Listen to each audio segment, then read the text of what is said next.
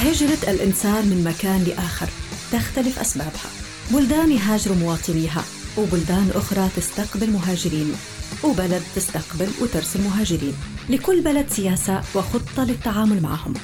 مواضيع يمكن حتعرفها لأول مرة ومواضيع ممكن سامحها بس ما فيش حد أكدها لك. كل ما يتعلق بالمهاجر بدون فيزا كل اثنين الساعة 11 ونص الصبح على راديو ناس.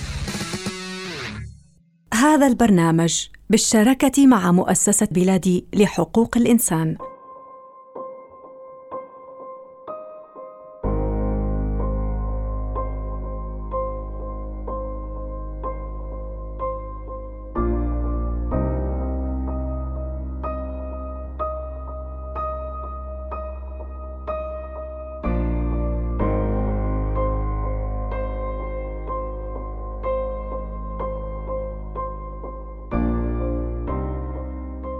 أسعد الله أوقاتكم بكل خير أعزائنا المستمعين في كل مكان وكل من يسمع فينا عبر أثير راديو ناس 104.5 البرنامج برنامجك بدون تأشيرة أو بدون فيزا هو البرنامج اللي طلع عليك منذ قرابة العام.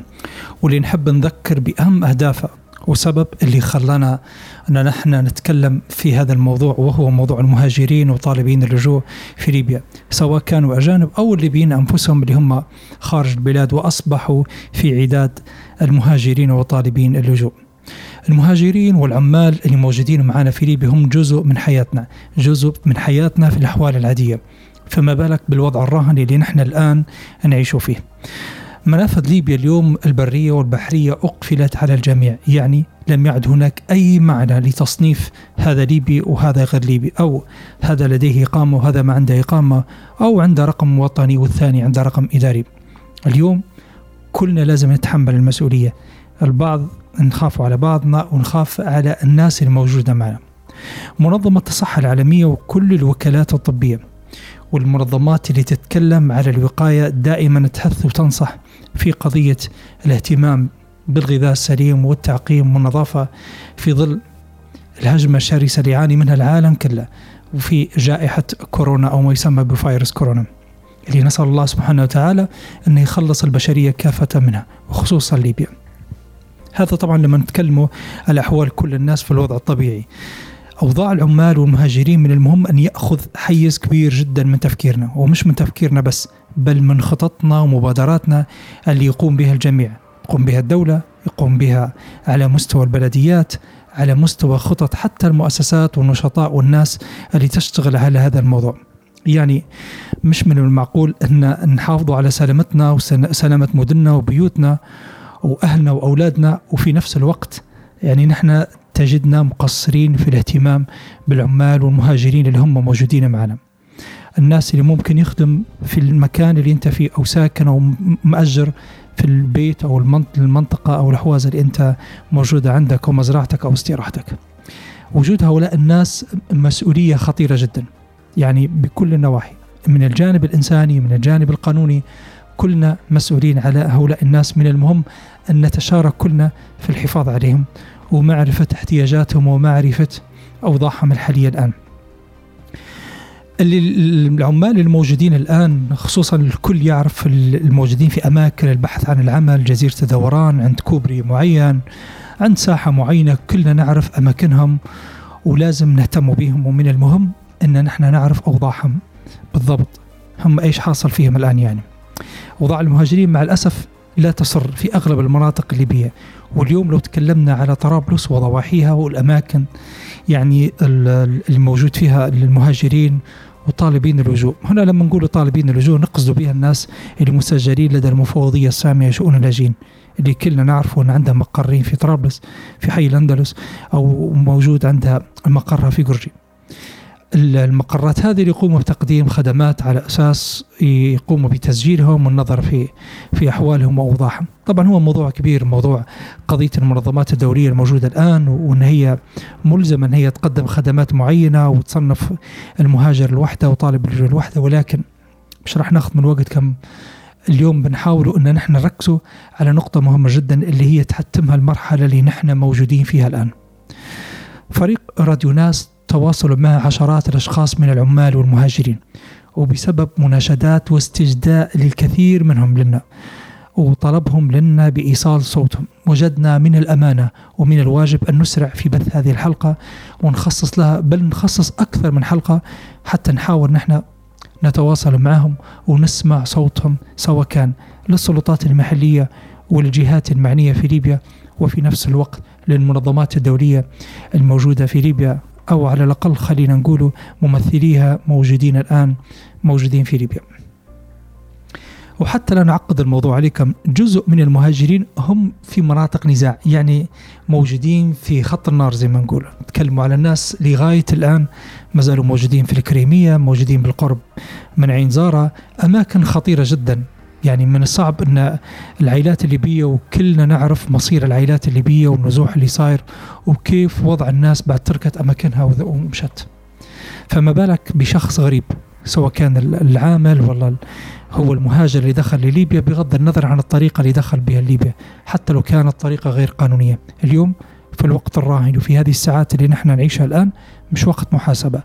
طبعا هذا لا يعني إهمال القانون هذا لا يعني أن نحن بنسمح للناس أن هي تعيش في ليبيا بدون ضوابط وبدون أي آه، يعني التزام بالقوانين المحلية الموجودة في ليبيا. ولكن زي ما حكينا في البداية الآن ليبيا أقفلت على الجميع. العالم كله كان فيما سبق يعني قبل الجائحة اللي حصلت الآن كانوا نوعا ما يدعوا الاهتمام بقضايا المهاجرين وطالبين اللجوء في العالم. كانت المنظمات موجودة بكثرة وكانوا السفراء والدول تهتم خصوصا بالمهاجرين الموجودين داخل ليبيا. ونشوف يعني مسؤول جاي ومسؤول آه، ماشي ويقدموا في بعض المساعدات. اليوم الأمر أصبح يعني آه، ليبي بامتياز. نعم هناك بعض المنظمات الدولية لا زالت تقدم في بعض المساعدات الخجولة داخل ليبيا. ولكن أبدا هذا لا يعني أنهم يعني راح يغطوا كل الأعداد الموجودة.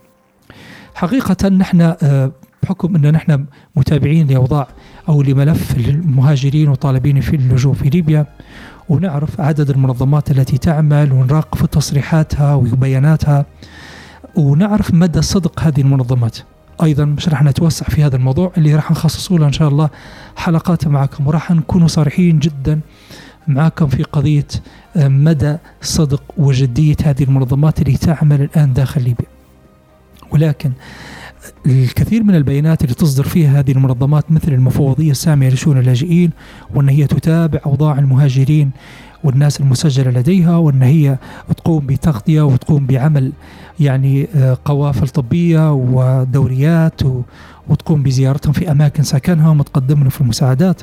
وأخيرا ذكرت إن هي تقدم لهم في مساعدات عبر مركز واحد أو مكان واحد داخل طرابلس ولمدة ساعة ونصف اليوم. مع الأسف يعني إنه شيء آه، يعني مدعاة للسخرية يعني. انها ووضعت رقم هاتف واحد فقط يعني هاتف رقم وأي حد يحتاج مساعدة يتصل به. وهم أعدادهم بالألاف بالألاف يعني مسجلين لدى المفوضيه والكل ينتظر منها مساعدة.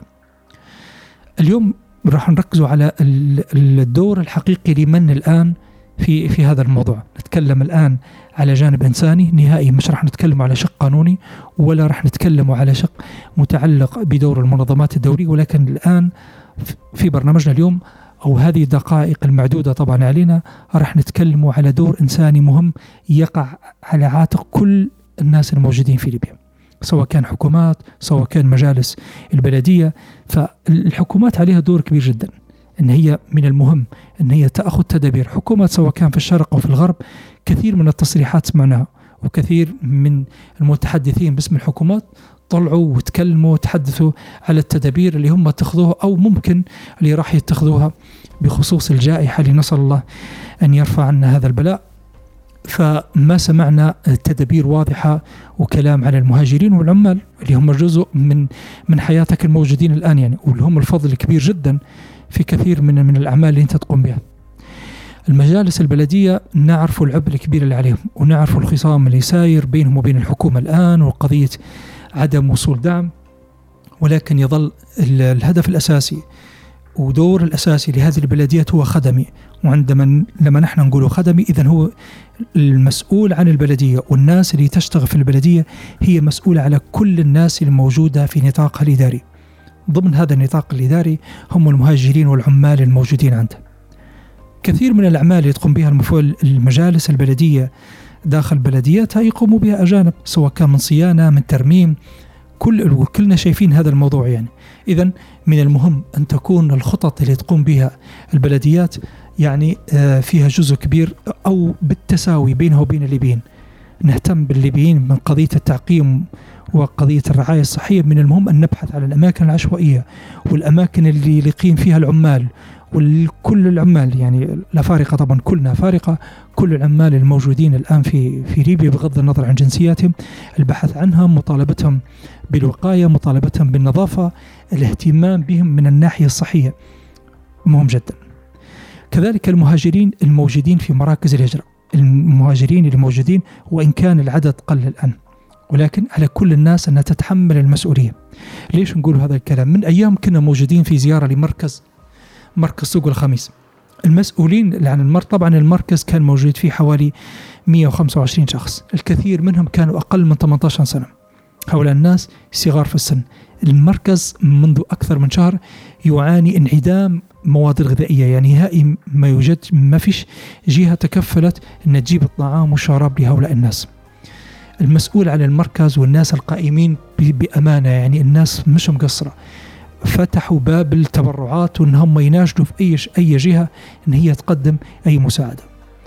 كثير من من من رجال الاعمال وبعض أصحاب المحلات بارك الله فيهم قاموا بعمل ما شاء الله يعني يعني لفترة الماضية لما نحن قمنا بالزيارة كان هناك تبرعات من من بعض رجال الاعمال ومن أصحاب المحلات قاموا بإعطاء الأكل والطعام والشراب لمدة يعني خلينا نقول يكفيهم لمدة 10 أيام. بعد 10 أيام ما فيش أي جهة ثانية ممكن حتقدم، لا زال الموضوع مطروح أو يفترض أن الناس يعني تلتفت لهذه لهذه الشريحة. وهؤلاء الناس هؤلاء الناس لا حول لهم ولا قوة. موجودين في مركز مسكر عليهم فما عندهمش وين يخرجوا. هم أساسا مقتنعين انهم مش راح يقدروا يطلعوا من هذا المكان. الحدود مقفلة المنظمات غير موجودة. الخوف من المرض الخوف من العنصرية الخوف من ردود فعل الناس. فالكل كم أو كثير من الناس أكيد شافت وشاهدت من أيام أحد الأفارقة اللي هو كان من إريتريا كان وجدوه أمام أحد مقرات المفوضية السامية في طرابلس. صفحات التواصل والناس وبعض الوسائل الأخبار نقلت إنه هو حالة ومصاب بالكورونا وغيرها وغيرها وما فيش حد قدر يقرب منه يعني مع الأسف وقعد مرمي لساعات أمام مقر المفوضيه حتى قام أحد الأطباء المتطوعين بارك الله فيهم وقام بالكشف عليه. ووجد أن الرجل ما يعانيش من أي مرض. كل ما في الموضوع أن الرجل يعاني من سوء تغذية. يعني بسبب عدم وجود الأكل والشرب فالجسم يصير له وهن ويتعب الإنسان. وكلنا مجربين وأي إنسان جرب الجوع. يعني اقلها أقل إنسان جرب الجوع حتى في رمضان. يعني في شهر رمضان وخصوصا الأيام الأولى وتمتنع عن أكل الطعام لساعات شوف وضعك. تخيل إن هذا الشعور وهذه هذا الوضع استمر معك لعدة أيام. إنه ما فيش أكل يعني وشرب. فنحن نتمنى وعبر هذا البرنامج واللي نحن اليوم خصصناه لجانب إنساني مهم جدا. الناس اللي اللي جنبك إذا كان في جنبك مركز خاص بالمهاجرين جنبك مكان عشوائي أو بيت فيه من العمال ما فيش بأس إنك أنت تنتبه لهذا الموضوع. كل الجهات تكلمنا على الحكومة تكلمنا على البلديات نتكلموا حتى على صندوق الزكاة نتكلموا على كل الناس اللي ممكن تستطيع إن هي تقدم وتساعد هؤلاء الناس وإن هي تحاول ان تقدم لهم تقدم لهم المساعدة العاجلة. أقلها مواد تنظيف أقلها المياه الشرب لصالح ونعاود ونقول شيء مهم جدا وخطير. راهو من مصلحتنا الحفاظ على صحتهم. هؤلاء الناس جزء منا هو موجود معنا خصوصا في ظل مثل هذا المرض اللي خطير جدا وينتقل بهذه الطريقة والليبيين لغاية هذه اللحظة لم يس... يعني ما فيش حد استغنى على العمال. لغاية الآن رغم وجود الحظر فالكثير من الأماكن نرى العمال لا زالوا موجودين. نراهم في محطات الوقود نراهم في محلات المواد الغذائية نراهم حتى في المستشفيات. في كثير من الأماكن العمال لا زالوا موجودين المهاجرين والأجانب لا زالوا موجودين.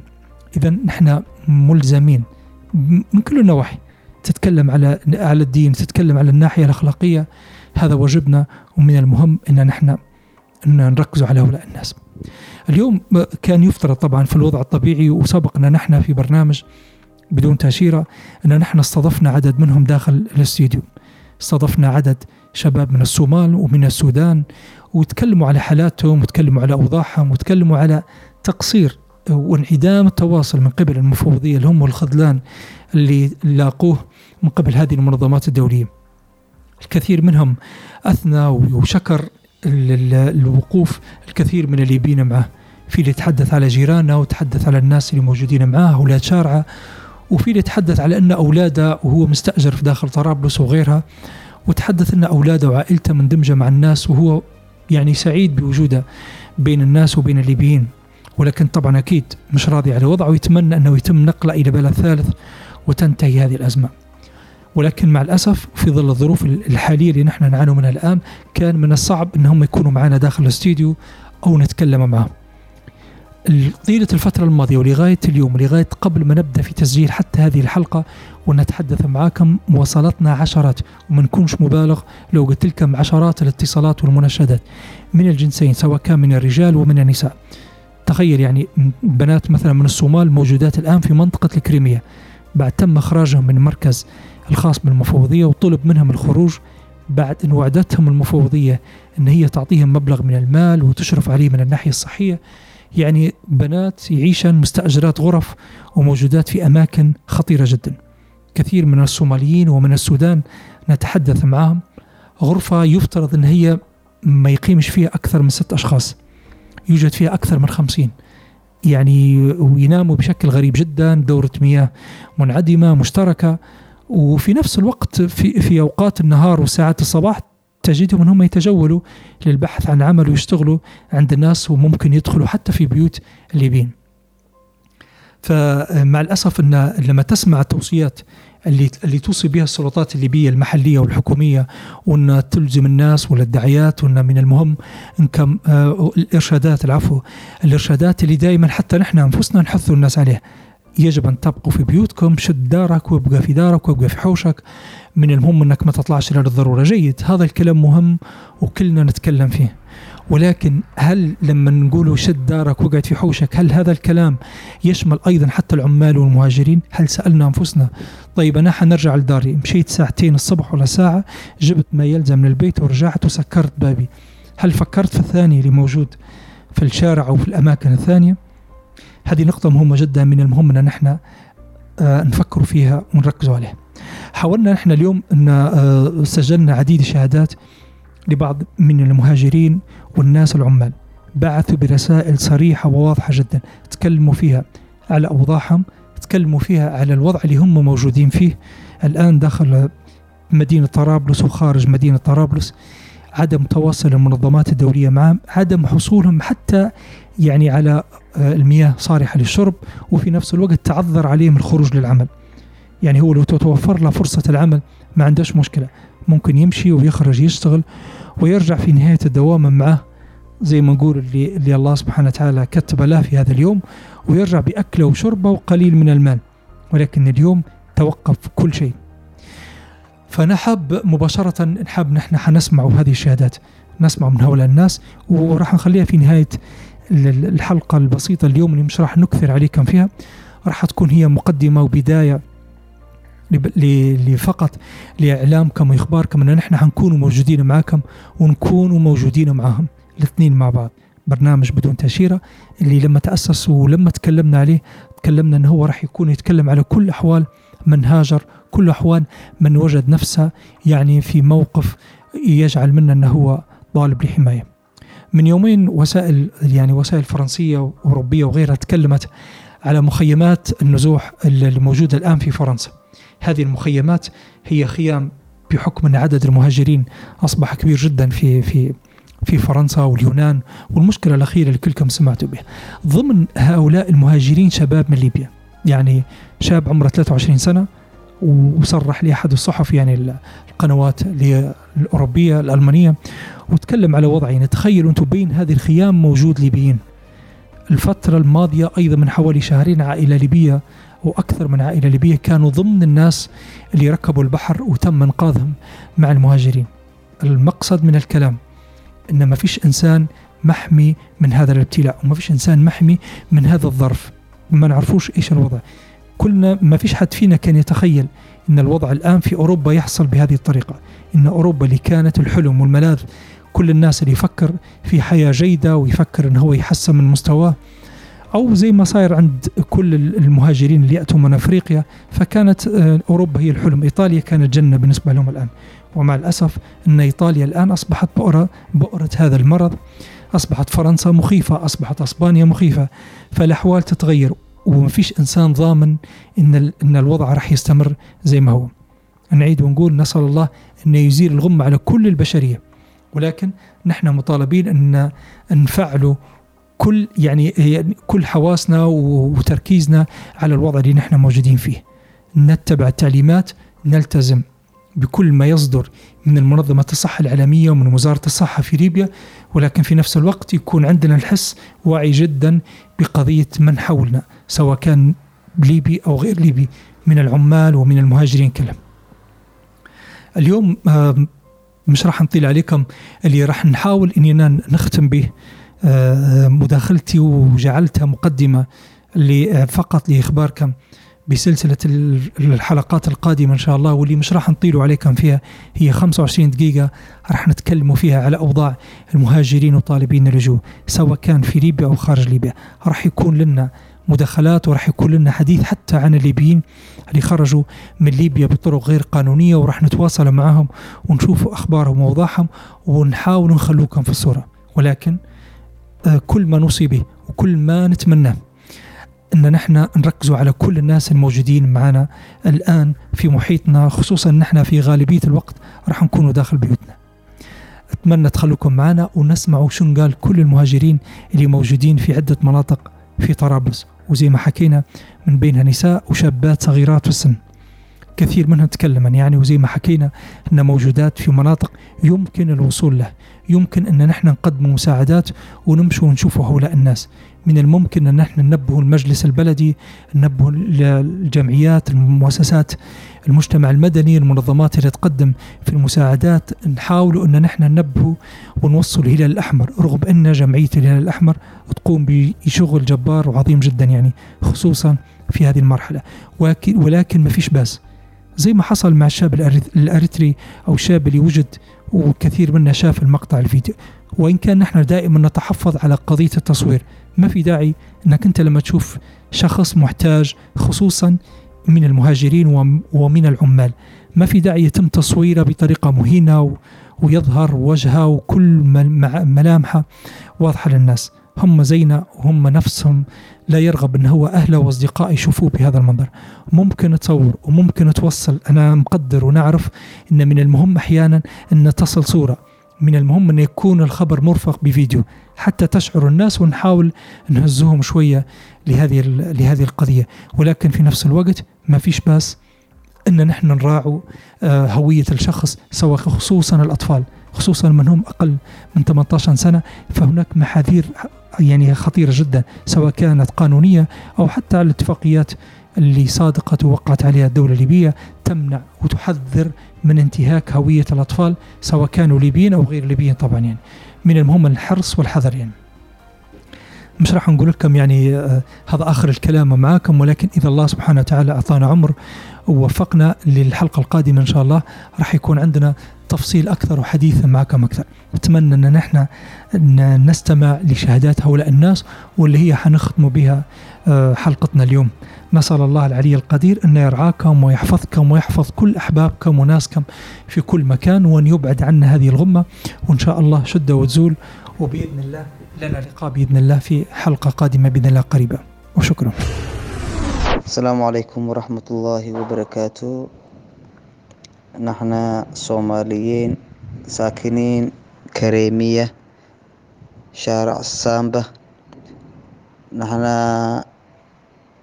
العدد اللي موجود في الحوش واحد وخمسين شخص صوماليين جايين من كفرة وشويرف وفي ناس جايين من البحر مسكوه جايين من البحر قاعدين واحد وخمسين شخص. هم ثلاثة غرف صغيرة. يرقدون عشرين ثلاثين فوق بعض. بس نبيها المساعدة نحتاج المساعدة والصقع فيها ما عندهم فرشات ولا الأكل. أولا كان يشتغلوا من شارع سامبا في سوق المواد الغذائية يحصلهم عشرة دينار وخمسة دينار. كان يأكلوهم بيشتروهم كان المأكلات. تو السوق حاليا فيها المرض هذا مسكرة. وأن العيال هم جيعانين ما عندهم الأكلات وبرضو المكان هم اللي ساكنين فيها نظافة ما فيش. والمأكلات ما عندهم والفرشات ما عندهم بطانية ما عندهم والسقع جو سقع. والله العظيم أنا عديت واحد وخمسين شخص كل مرة يقول لك كلهم اي أو ام أو بلا حدود. قلت له أنا ما عندهم أرقامي. لكن إن شاء الله أحاول إن شاء الله ربي يفرجنا ويفرجكم. إن شاء الله أنا ببلغهم. بس هم الجماعة ذول هم محتاجين المساعدة مساعدة محتاجين. والله اللي يبي يجي خليه يدق على تليفوني خلي أنا أوريهم مكانهم اللي ساكن فيها والمعيشتهم والمكان النظافة ما عندهم. تشوفوا بعينكم. تعالوا خليه يزورنا. آي أو إم خليه تجي عندي. خليه يشوفهم أنا هوريهم مكانهم مكانهم اللي يرقدوا فيها. لو أنا كاذب أو صادق خليه يشوفوا بعينهم. والله العظيم هم محتاجين الفرشات والبطانيات وأدوات النظافة ما عندهم. أقسم بالله محتاجين نحن الصوماليين حالتنا حالة قال لنا تساعدونا بإذن الله تساعدونا الله يساعدكم. في البنات فيها لكن بنات بعيد علي ما أقدرش أروح له فيها بوابات وما أقدرش وفيها مشاويرهم صعبة شوية ما أقدرش. في نساء موجودين برضو لكن الشباب اللي هنا عمرهم ستة عشر سنة خمسة عشر سنة. اللي أكبر العمر تسعة عشر سنة الكبير هو عمره تسعة عشر سنة والباقي كلهم صغار. حالتهم سيئة حالتهم سيئة نبيها المساعدة خليها يتواصلوا بتليفوني انا اوريهم انا اسمي جبريل حسين انا اسمي جبريل حسين خليها يتواصلوا معايا انا اوريهم المكان الجماعة ذول محتاجين النظافة دكاتير والمأكلات والفرشات والبطانية جزاكم الله خيرا وما عندنا وما عندنا اخواني ما عندنا ما عندنا فراشات وما عندنا بطانيات ما عندنا شيء والله مع ما عندنا شامبويات. وفي الحالة تو ليبيا ما نقدر يعني نمشي برا ونشتغل وكذا. وفي تو حالة الآن ما في شغل كل كل الجماعة كلهم شرطة قالين خليكم حوشكم. وما عندنا شيء نحن مساكين علشان نبي كل جماعة يعني المنظمات يشوف حالات اللاجئين من مسؤول الحالات اللاجئين المساكين قاعدين من نائمين من الشوارع ونائمين من من التراب بالله عليكم جماعة نبي في جماعة في جماعة يساعد المساكين وكذا ما عندنا شيء والله ما عندنا شيء في توا قبل قبل قبل أسبوعين في مات جماعة سوس نفار في مات الكريمية. والله واحد ما فيش يعرف جماعة ده ما عنده علاج وما منظمة ده ما ما يساعد أي شيء. والله نبي كل منظمات ويشوف منظمات الأمم المتحدة ولا أم الأوروبية وأم كله. نبي يعني يشوف علشان مسؤوليات المساكين واللاجئين.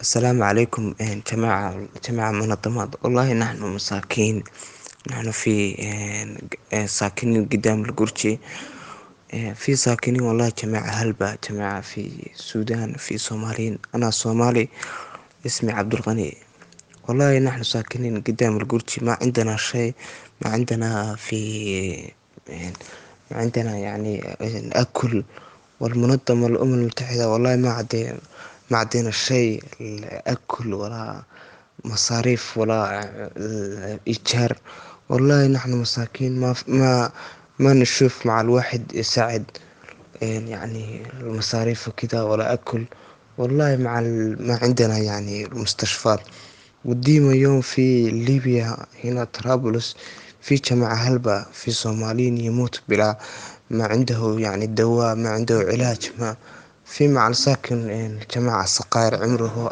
أكثر سبعة ستة عشر سبعة عشر إلا خمسة عشر في معانا والله منظمة نبي منظمات كل منظمات يعني يساعد علشان نحن ما عندنا شيء والمنظمة ما يعدينا يعني فلوس ولا برنامج ولا يعني انترفيات ولا شيء وما عندنا شيء ما والله نبي يعني نساعد منظمات كل منظمات نبي في واحد توا في عندنا جماعة في مريض ما عند ما عنده العلاج وين وين يودينا في توا في حالته خطير واحد في معانا في ممكن في واحد في واحد مريض وين ودينا ما عندنا علاج والله نبي نبي يعني جماعة منظمات كيف يعني جماعة مساكين كيف يساعد العلاج ويبي أكل ويبي الإيجار.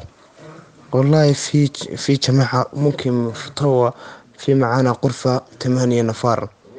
ثمانية نفار واحد غرفة ما يكفي. علشان ظروف في ظروف عندنا ظروف هلبة. والله في مع في جماعة تاني مرات ينايم في برا. علشان ما عنده حرش وصاحب الحرش يعني يبي فلوس على شخص مية دينار. والله عندنا ظروف هلبة أخواني. نبي يعني علشان نساعد كل المهاجرين في صوماليين في سودانيين. والله والمنظمة يبي يشوف حالات كده يعني يجي بدارنا ويشوف كل حالات. وعليكم السلام والرحمة آه مرحبا أنا معكم علم الدين محمد من السودان.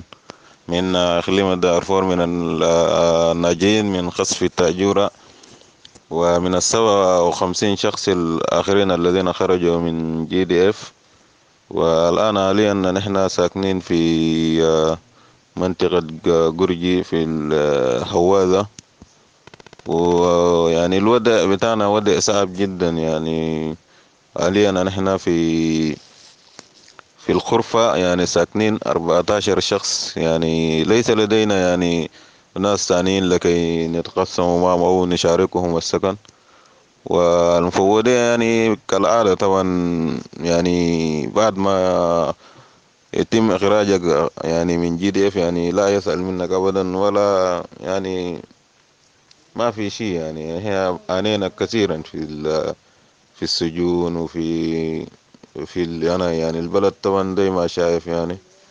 يعني في حالة حرب يعني. إحنا نطلب من المفوضية يعني الاهتمام أكثر بالناس الذين خرجوا والإسراء في ملفاتهم إنه يحاولوا يحددوا لهم يعني موعد بتاع مقابلات بأسرع وقت وعشان يعرفوا مسيرهم يعني من الوضع الحالي يعني. يعني العيشة صعبة وحتى يعني مع مع الحذر اللي حاصل والأمراض مرض كورونا اللي يعني ضرب العالم كله. يعني صعب صعب جدا إنه الواحد يقدر يتحرك كي يقدر يعيش يعني في في هذه المنطقة. يعني يعني معاناة معاناة كبيرة جدا يعني يمر بها اللاجئين والمهاجرين حاليا. يعني نتمنى إنه من كل المنظمات الدولية والإنسانية إنه يحاولوا إنه يقيفوا مع المهاجرين. في مهنتهم وإن شاء الله ونتمنى الخير لكل المهاجرين وكل يعني نتمنى الخير لكل المهاجرين واللاجئين في ليبيا ولكل الناس يعني الإنسانيين. إن شاء الله نتمنى إنه يساعدونا أكتر أكتر يعني يعني هنا وجدنا تجاهل كثير جدا من المفوضية يعني نحن من 2017 يعني يعني محتجزين زي ما شايف من 2017 بتاريخ ستة أكتوبر لحتى الآن يعني يتم تحويلنا من سجن إلى سجن. ولحتى الآن يعني المفوضية يعني ما ما شفنا منه شيء يعني. آه لا نتمنى إنه يكون في في في في أنا يعني في أشياء مساعدات أكتر واهتمام أكبر يعني من قبلهم يعني. شكرا لكم كثيرا. هجرة الإنسان من مكان لآخر تختلف أسبابها. بلدان يهاجر مواطنيها وبلدان أخرى تستقبل مهاجرين وبلد تستقبل وترسل مهاجرين. لكل بلد سياسة وخطة للتعامل معهم. مواضيع يمكن حتعرفها لأول مرة ومواضيع ممكن سامحها بس ما فيش حد أكدها لك. كل ما يتعلق بالمهاجر بدون فيزا كل اثنين الساعة 11 ونص الصبح على راديو ناس. هذا البرنامج بالشراكة مع مؤسسة بلادي لحقوق الإنسان.